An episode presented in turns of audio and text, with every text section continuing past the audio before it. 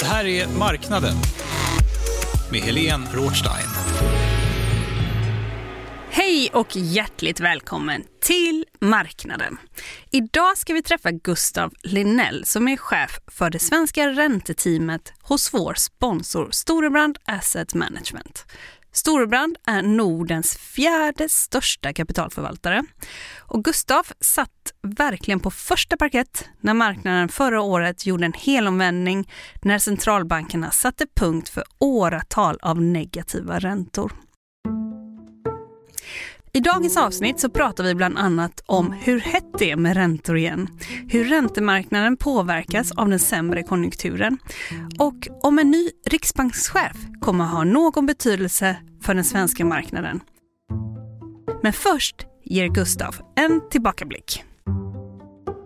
Vi har ju varit i en väldigt lång period här innan 2020 framför allt med väldigt låga räntor, en europeisk centralbank framför allt som har hållit ner räntan väldigt mycket och till och med köpt tillgångar i stor utsträckning. Det har ju även svenska riksbanken gjort och det har varit en väldigt lång period med väldigt låg inflation, eh, i alla fall eh, i termer av historiskt låg inflation. Um, framförallt i Europa och i Sverige. Då. Och sen som man tar dagsläget så har vi egentligen motsatsen. Mm. Vi börjar få väldigt höga räntor eller högre räntor eh, och vi har en inflation som liksom i Sverige är över 10, 10 procent. Eh, och det som har varit egentligen problemet var ju att vi kom från den här perioden med väldigt låga räntor och väldigt mycket stimulans in i 2020 när vi stänger ner hela världen och skapar en ganska stor eh, svårighet för varor och tjänster att röra sig fritt på marknader. Eh, samtidigt då som centralbanker trycker på med stimulanser fortsatt, framförallt USA, men även finanspolitiken trycker på med stimulanser. Så du får den här kombon av att både ha en väldigt stimulerande penningpolitik som vi haft innan 2020 men som har fortsätter på samma spår och en finanspolitik som också drar på samtidigt. Då. Och den kombon eh, ledde ju till där vi står just nu med extremt hög inflation. Eh, och då har vi inte ens egentligen nämnt kriget i Ukraina som inte förbättrade den situationen med då framförallt energipriser som stack iväg. Så du har den här uppbyggnaden till en liksom perfekt storm som vi är i just nu, egentligen tillbaka till eh, 2010, 20, ja, egentligen 2008, finanskrisen.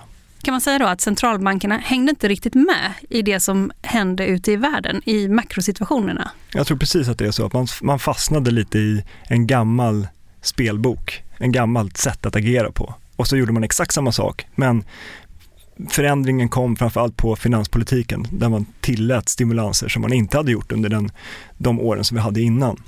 Och det var egentligen det som var problemet, att vi hade centralbanker som agerade. Mohammed El Erian, en känd ekonom som jobbade tidigare på Pimco, också en stor kapitalförvaltare eh, med fokus på mycket ränteförvaltning då.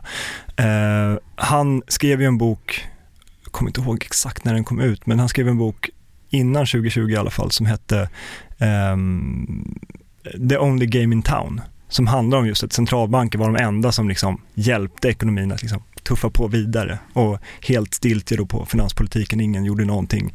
Mycket låsningar i regeringar, inte minst i Sverige och i USA och så vidare.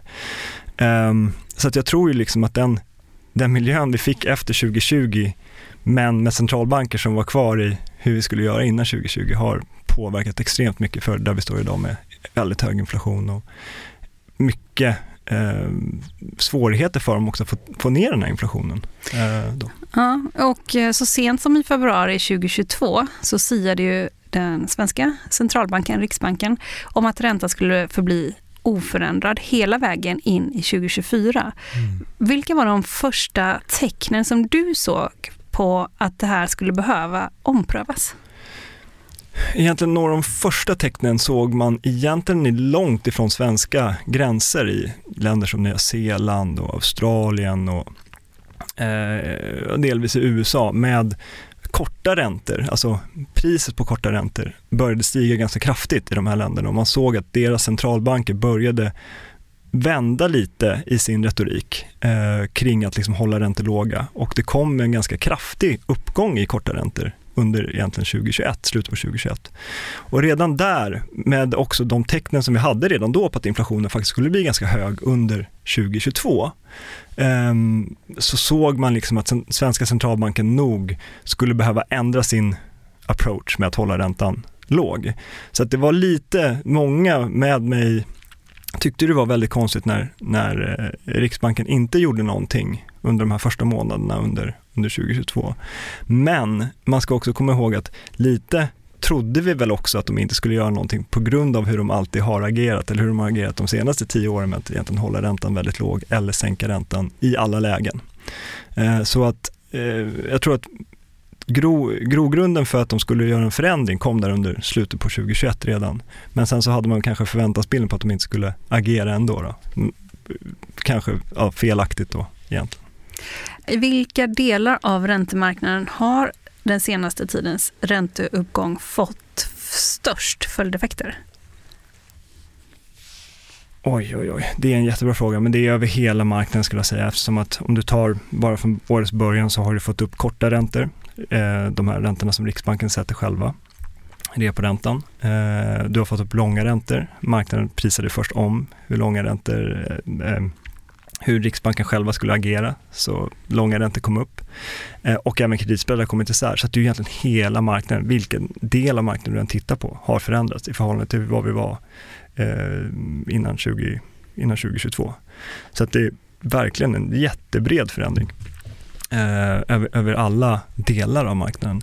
Men, eh, men det som egentligen det som sticker ut främst ska vara eh, eh, hur, korta räntor egentligen. Att vi gick, eh, gick från nollräntor till att nu prisa in att Riksbanken ska landa någonstans 3-3,25 möjligtvis på, på reporäntan. Och det är över en, vadå, ettårs, ettårsperiod. Mm. Det är ju en jätteförändring som har då medfört alla de här andra konsekvenserna på alla andra delar av marknaden. Har den här ränteuppgången ökat intresset generellt för att investera i räntor i förhållande då, eller i kontrast till att eh, investera i aktier? Det skulle jag absolut säga. Intresset för att till exempel jag sitter i en sån här podd och diskuterar ja, det här. Du hade inte kommit för två år sedan? Nej, nej, antagligen hade jag inte fått sitta Nej. här då. Eh, intresset för våra eh, kunder att diskutera vad man, vilken del av marknaden man ska placera i. Eh, men även bara diskussionen från ehm, eh, diskussionen som vi har med eh, med oss själva kring, kring att placera i tillgångslaget har ju förändrats i den mån att vi tycker att det är mycket mer attraktiv eh, placering idag. Eh, så att absolut, det har definitivt förändrats. Sen så ska man ju säga att det, det är ju fortfarande en väldigt hög inflation. Så är det här en tillräckligt hög ränta i förhållande till vad den faktiska inflationen är?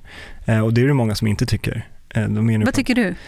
Jag tycker att, eh, eller jag tror att inflationen kommer komma ner under nästa år, det här året och nästa år eh, och kommer ligga eh, betydligt mycket lägre än vad vi gör just nu. Eh, delvis drivet av bara effekten att Eh, den prisuppgång som vi har sett kommer inte riktigt eh, kunna spela ut på samma sätt. Du kommer inte kunna ha samma förändringstakt på, den, på, på de varor som vi tittar på. Eh, vilket gör att inflationen bara mekaniskt kommer behöva komma ner.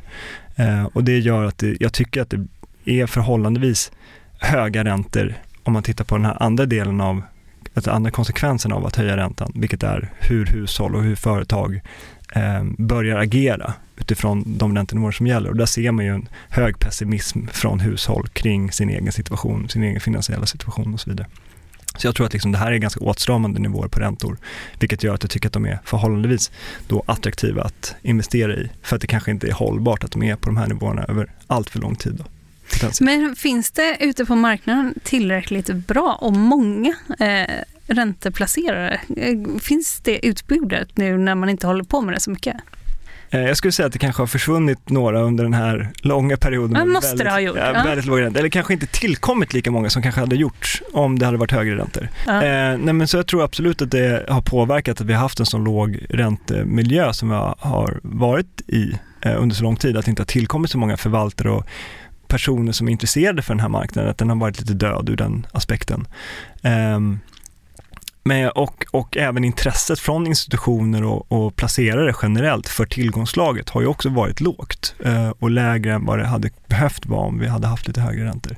Men som sagt, det har ju varit medveten konsekvens eller medveten agerande från centralbankerna att hålla ner räntor för att just den här placeringen inte ska vara attraktiv någonstans. Eh, så, så är det ju. Om man ser till räntemarknaden idag, var tycker du att man kan hitta de mest attraktiva placeringarna? Eh, jag tycker det här, det är lite mellanmjölksvar, men jag tycker just att den här mellanrisksegmentet, alltså eh, svensk eh, och nordisk ehm, investment grade, alltså den som vi säger som minst trippel B ratad eller har rating som sämst trippel B. Och då har vi ju hela skalan, statsobligationer är ju trippel A ner till trippel B den delen av marknaden tycker jag absolut ser väldigt attraktiv ut på de här nivåerna. För att de har kommit upp väldigt mycket de spreadarna. En del fastighetsbolag ligger också på väldigt breda spreadar i förhållande till vad jag kanske förväntar mig att de kommer göra om, om ett tag. Eh, vilket jag, den delen av marknaden kommer absolut vara attraktiv att eh, placera i under det här första halvåret. Sen så är jag lite orolig för nästa halvår eh, under 2023. Eh, så det är lite så här, det är en liten lucka nu tror jag, där vi har en, en ganska bra eh, möjlighet att eh, skapa bra avkastning men där volatiliteten kanske ökar till andra halvåret. Delvis på grund av konsekvenser kring eh, hur man kommer se på potentiella recessioner som, som spelar ut under nästa halvår. Så man ska inte ha för långa löptider nu när man investerar då, heller ett ganska kort, kort perspektiv? Ja, eh, det, det, är nog fortsatt eh, lite, alltså man ska nog vara förväntad på lite volatilitet fortsatt under året. Eh, det tror jag. Men, eh, men det finns mycket vettiga placeringar. Det, det gör absolut på den här lite mer, ehm, inte lika eh, riskfyllda marknaden för företagsobligationer. Om, om vi vänder på frågan då. Var i räntemarknaden tycker du att man inte eh, ska placera idag? Eller vad, vad, tror du man ska undvika i det här läget? Eh, kan låta lite paradoxalt kanske, men just de här mer jättesäkra när man tar till kreditrisken, alltså typ statsobligationer, svenska statsobligationer, där tror jag att man kan vara fortsatt lite avvaktande av den anledningen att jag inte riktigt vet hur eh, svenska centralbanken kommer att agera här framöver med sina stora portföljer av eh, statsobligationer som man faktiskt sitter på. Eh, det finns en risk att de i under det här året börjar diskutera hur man ska göra med den portföljen och kanske till och med titta på att sälja av den eller minska dess storlek. Så där, där finns en potential att du liksom kanske inte tjänar lika mycket på på att placera då för att utbudet av, av den typen av obligationer kommer ut. Det lät ju lite på dig tidigare som att du tyckte att man faktiskt satt ju på en alldeles för, för stor portfölj. Eh, och eh, när man har köpt på sig så mycket så är det sannolikt eller att man kommer sälja av. Precis, de har ju en ett sätt att göra det på är ju egentligen bara att låta den rulla av, så att säga. Att du har ju, Över tid, ja. ja precis, du har ju löptider som faller av och så får du pengar för dem, eh, du får tillbaka de pengarna som du har lånat ut och så bara låter du det ske över tid. Ett annat sätt att göra om du vill göra det snabbare är ju att då faktiskt sälja av. Och det, eh, det som är risken i alla fall här framöver är att man kanske kommer upp i ränta, man höjer räntan till en viss nivå och sen är man inte nöjd med det, utan man vill fortfarande minska stimulanserna i ekonomin. Och då kanske man istället för att höja räntan börjar då minska eh, obligationsportföljen. Eh, och då har vi då statsobligationer och bostadsobligationer och även lite företagsobligationer. Men det är mycket mindre, framförallt företagsobligationer i den eh, kombon. Så att just ur det perspektivet att eh, vi inte riktigt vet hur Riksbanken kommer att agera framöver gör att man blir lite avvaktande kanske på just statsobligationer. Vi har ju fått en ny riksbankschef, Erik Thedéen. Eh, tror du att vi kommer få se en omläggning här av penningpolitiken? Jag tror att vi kommer få se en omläggning av penningpolitiken, men kanske inte som konsekvens av att Erik Thedéen börjar, utan som konsekvens av att faktiskt eh, vi har kommit till den punkt där höjningarna börjar ta slut. Eh, och det är troligt att det är under det här året. Sen får vi se lite hur Thedéen agerar eh, i den rollen han tar. Um, men jag tror inte att hans, att han börjar leder till um, så stor förändring eller annan typ av policy i förhållande till hur det skulle vara innan. Uh, Ingves var i och för sig väldigt inriktad på uh, inflationen, så vi får, ja. se, vi får se lite hur, hur Thedéen agerar. För det har ju kommit en ny riksbankslag också nu och eh, vid årsskiftet. Och där står det uttryckligen att banken har bredare uppgift än att bara se till inflationen. Precis. Eh, och vad kan det få för konsekvenser då? Ja, men det skulle ju kunna få konsekvensen att man tittar lite bredare som sagt utifrån eh, att man, man släpper lite på det här rena inflationsjagandet. Mm. och tittar lite Plus mer 2 procent alltså. Ja. Precis. Och börja titta lite mer på bredare faktorer. Så att det, det är klart det, det skulle kunna få en konsekvens. Men jag, som sagt, jag tror till exempel nu på mö- första mötet så tror jag att idén nästan är tvungen att göra det som prognostiserades i, i, eh, i, eh, i marknaden och i, i, in i novembermötet, från novembermötet. Om man tidigare då skulle vara mer fokuserad på 2 och nu så ska man då ha lite bredare mandat, om jag har förstått det hela rätt. Eh, blir det lättare eller svårare att förutse vad som kommer hända framöver här från eh, Riksbankens håll? Jag skulle nog ändå säga svårare, men det är en jättebra fråga faktiskt. Um, eftersom att det inte har varit så lätt att göra det innan heller. Det har det inte? Eh, nej. Eh, så ta vissa år när man tyckte att inflationen var närmare målet och de fortsatte att stimulera på det sättet som de gjorde. Så det har inte alltid varit helt tydligt att det är just inflationsmålet som är, som är eh, drivkraften till hur de har agerat. Eh, även fast de säger det.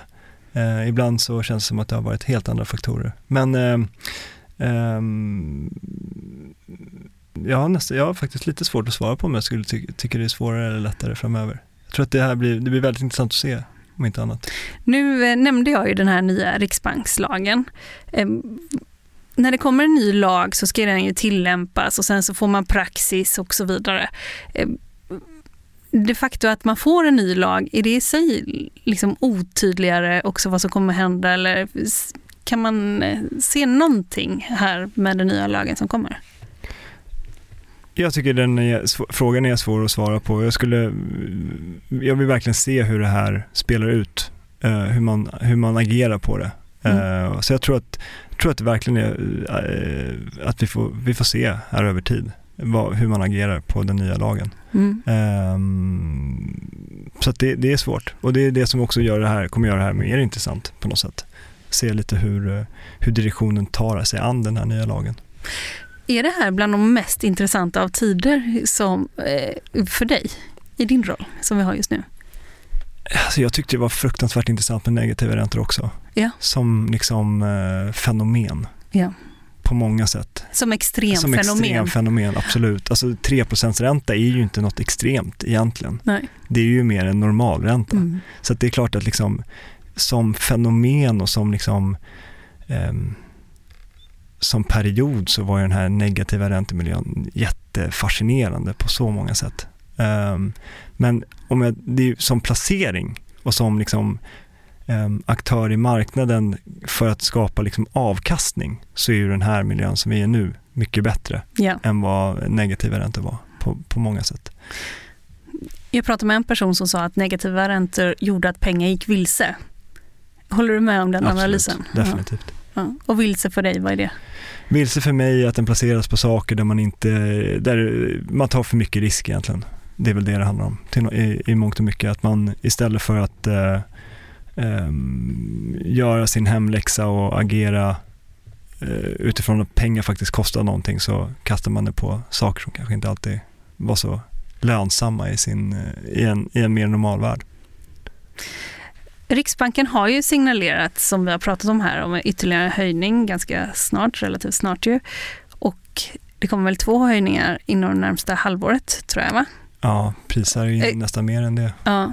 Eller det beror på lite hur Riksbanken agerar. Mm. Men i alla fall 50 punkter prisas ju in nu under februarimötet redan. Eh, och du själv då tror, om jag tolkar dig rätt, att vi kommer se en- att det här blir de sista räntehöjningarna, eller vad tror du? Ja. 2023? Jag tror att vi ser de sista räntehöjningarna nu under det här året. Definitivt, under det första halvåret till och med. Ja. Eh, Och sen så kommer det stanna av och sen så potentiellt då komma ner under slutet av 2023 eller 2024. Och där får vi se lite hur inflationspucken faller tillbaka, hur snabbt eh, och ehm, hur centralbanker agerar på den fallet inflation. Då. Så att det är egentligen kanske sista gången vi sitter här och diskuterar inflation som ett fenomen. Eh, i den mån att den ska vara liksom 10-12 procent, det tror jag. Men att vi i alla fall kommer någonstans, förhoppningsvis då, när den är lite lägre om ett halvår. Och att vi kanske mer börjar diskutera konsekvenserna av det på ekonomin i det stora hela och inte bara fokus på hur eh, konsekvenserna på just inflationen av höjningarna. En sak bara, man pratar inflation jättemycket med jättemånga hela tiden. Alla pratar ju om inflation. Det har väl varit i alla fall 2000 i alla fall 2022 stora ord tror jag va? Inflation och krig kanske då. Men detta som du säger att eh, vi kommer få se en inflation som eh, kommer mattas av så småningom här. Eh, ju. Hur vet man det när vi har ett väldigt aggressivt Ryssland, man har Kina som eh, kan gå in i Taiwan till exempel och makroläget verkar vara mer osäkert nu än på väldigt länge. Mycket, liksom det är svårt att förutse. Hur kan man ändå sitta och tänka kring inflation i ett så makropolitiskt svårt läge? Eh, jag tror att drivkrafterna för att inflationen just nu i alla fall, om man bortser från eh, händelser som vi kanske inte ser som så troliga nu då, då ser det ändå ut som att inflationen börjar falla i USA. Det finns tendenser till att den börjar falla i Europa också, inte minst via att eh, gaspriserna har kommit ner. Så det finns många sådana tendenser som vi tittar på, fraktpriser, eh, eh, ja, energipriser generellt, som ändå pekar åt det hållet att liksom inflationen i det breda eh, mått kommer komma ner eh, under det här året. Eh, riskscenario som vi trodde skulle spelas ut förra året med att eh, industri i Europa skulle behöva stänga ner i stor utsträckning för att det inte fanns tillräckligt med energi för att hålla igång produktion och så vidare. Det har ju inte spelat ut. Extremväder som håller uppe temperaturer vilket gör att man drar ner på konsumtion också har ju också lett till det här eh, fallet i, i, energipriser. Så det finns många sådana eh, faktorer som påverkar och som eh, kommer påverka inflationen till det positiva så att den går ner under kommande under det här året. Då, eh, som jag ser som mer drivande för inflationen än kanske de som du var inne på och diskuterade. Um, så jag tror ändå att det finns ganska mycket som, som tyder på att vi får ner inflationen. Men sen ska man komma ihåg att det är ju fortfarande en ganska stark underliggande, underliggande inflation om man tar bort energi och, och ehm, eh, effekten av räntehöjningar som, som är i Sverige. Så det är klart att eh, Riksbanken kommer titta väldigt mycket på den här underliggande trenden och, och agera därefter och inte bara på den här eh, energidrivna liksom, pucken. Och underliggande trend, eh, är avtalsrörelsen inne i den underliggande trenden? Den kommer ju driva den. Ja. Ja. Eh, nu ser det ändå ut som att parterna i den svenska eh, marknaden kommer eh, liksom hyfsat väl överens. Eh, kanske lite i förhållande till hur det ser ut i andra länder så ser det i alla fall lite bättre ut för svensk del. Mm. I förhållande, kanske inte för, för hushållen är det kanske inte bättre att vi får lägre löneökningar eh, just nu. För, att för man liksom, får reallönesänkningar? Ja, för att du får just reallönesänkningar. Men liksom långsiktiga konsekvensen blir nog ändå bättre i det stora hela taget eh, av att du får ner den här extrema pucken som gör att centralbanken tvingas höja räntan så aggressivt som de gör. Eh, så att det, det finns nog ändå tecken på, på hopp att den här faktiskt är på väg tillbaka. Och det har, många har ju sagt det tidigare också, men det finns nog ändå större tecken på det nu än vad det har gjort under egentligen hela förra året skulle jag säga, där man hela tiden jagade inflationen uppåt. Om man tittar på sådana grafer hur Riksbanken ändrar, för varje möte ändrar sin inflationsprognos så har de liksom behövt höja den ganska kraftigt varenda, varenda möte. Det, de tendenserna kommer vi nog inte se i år. Stort tack till dig Gustaf Linnell för att du kom hit. Tack så hemskt mycket för att jag fick vara här. Det här var alltså Gustav Linnell som alltså leder det svenska ränteteamet hos Storebrand Asset Management. Nordens största kapitalförvaltare med över tusen miljarder norska kronor under förvaltning. Och marknaden, den här podden. Vi är snart tillbaka med ett nytt avsnitt. Tack för att du lyssnade. Hej då!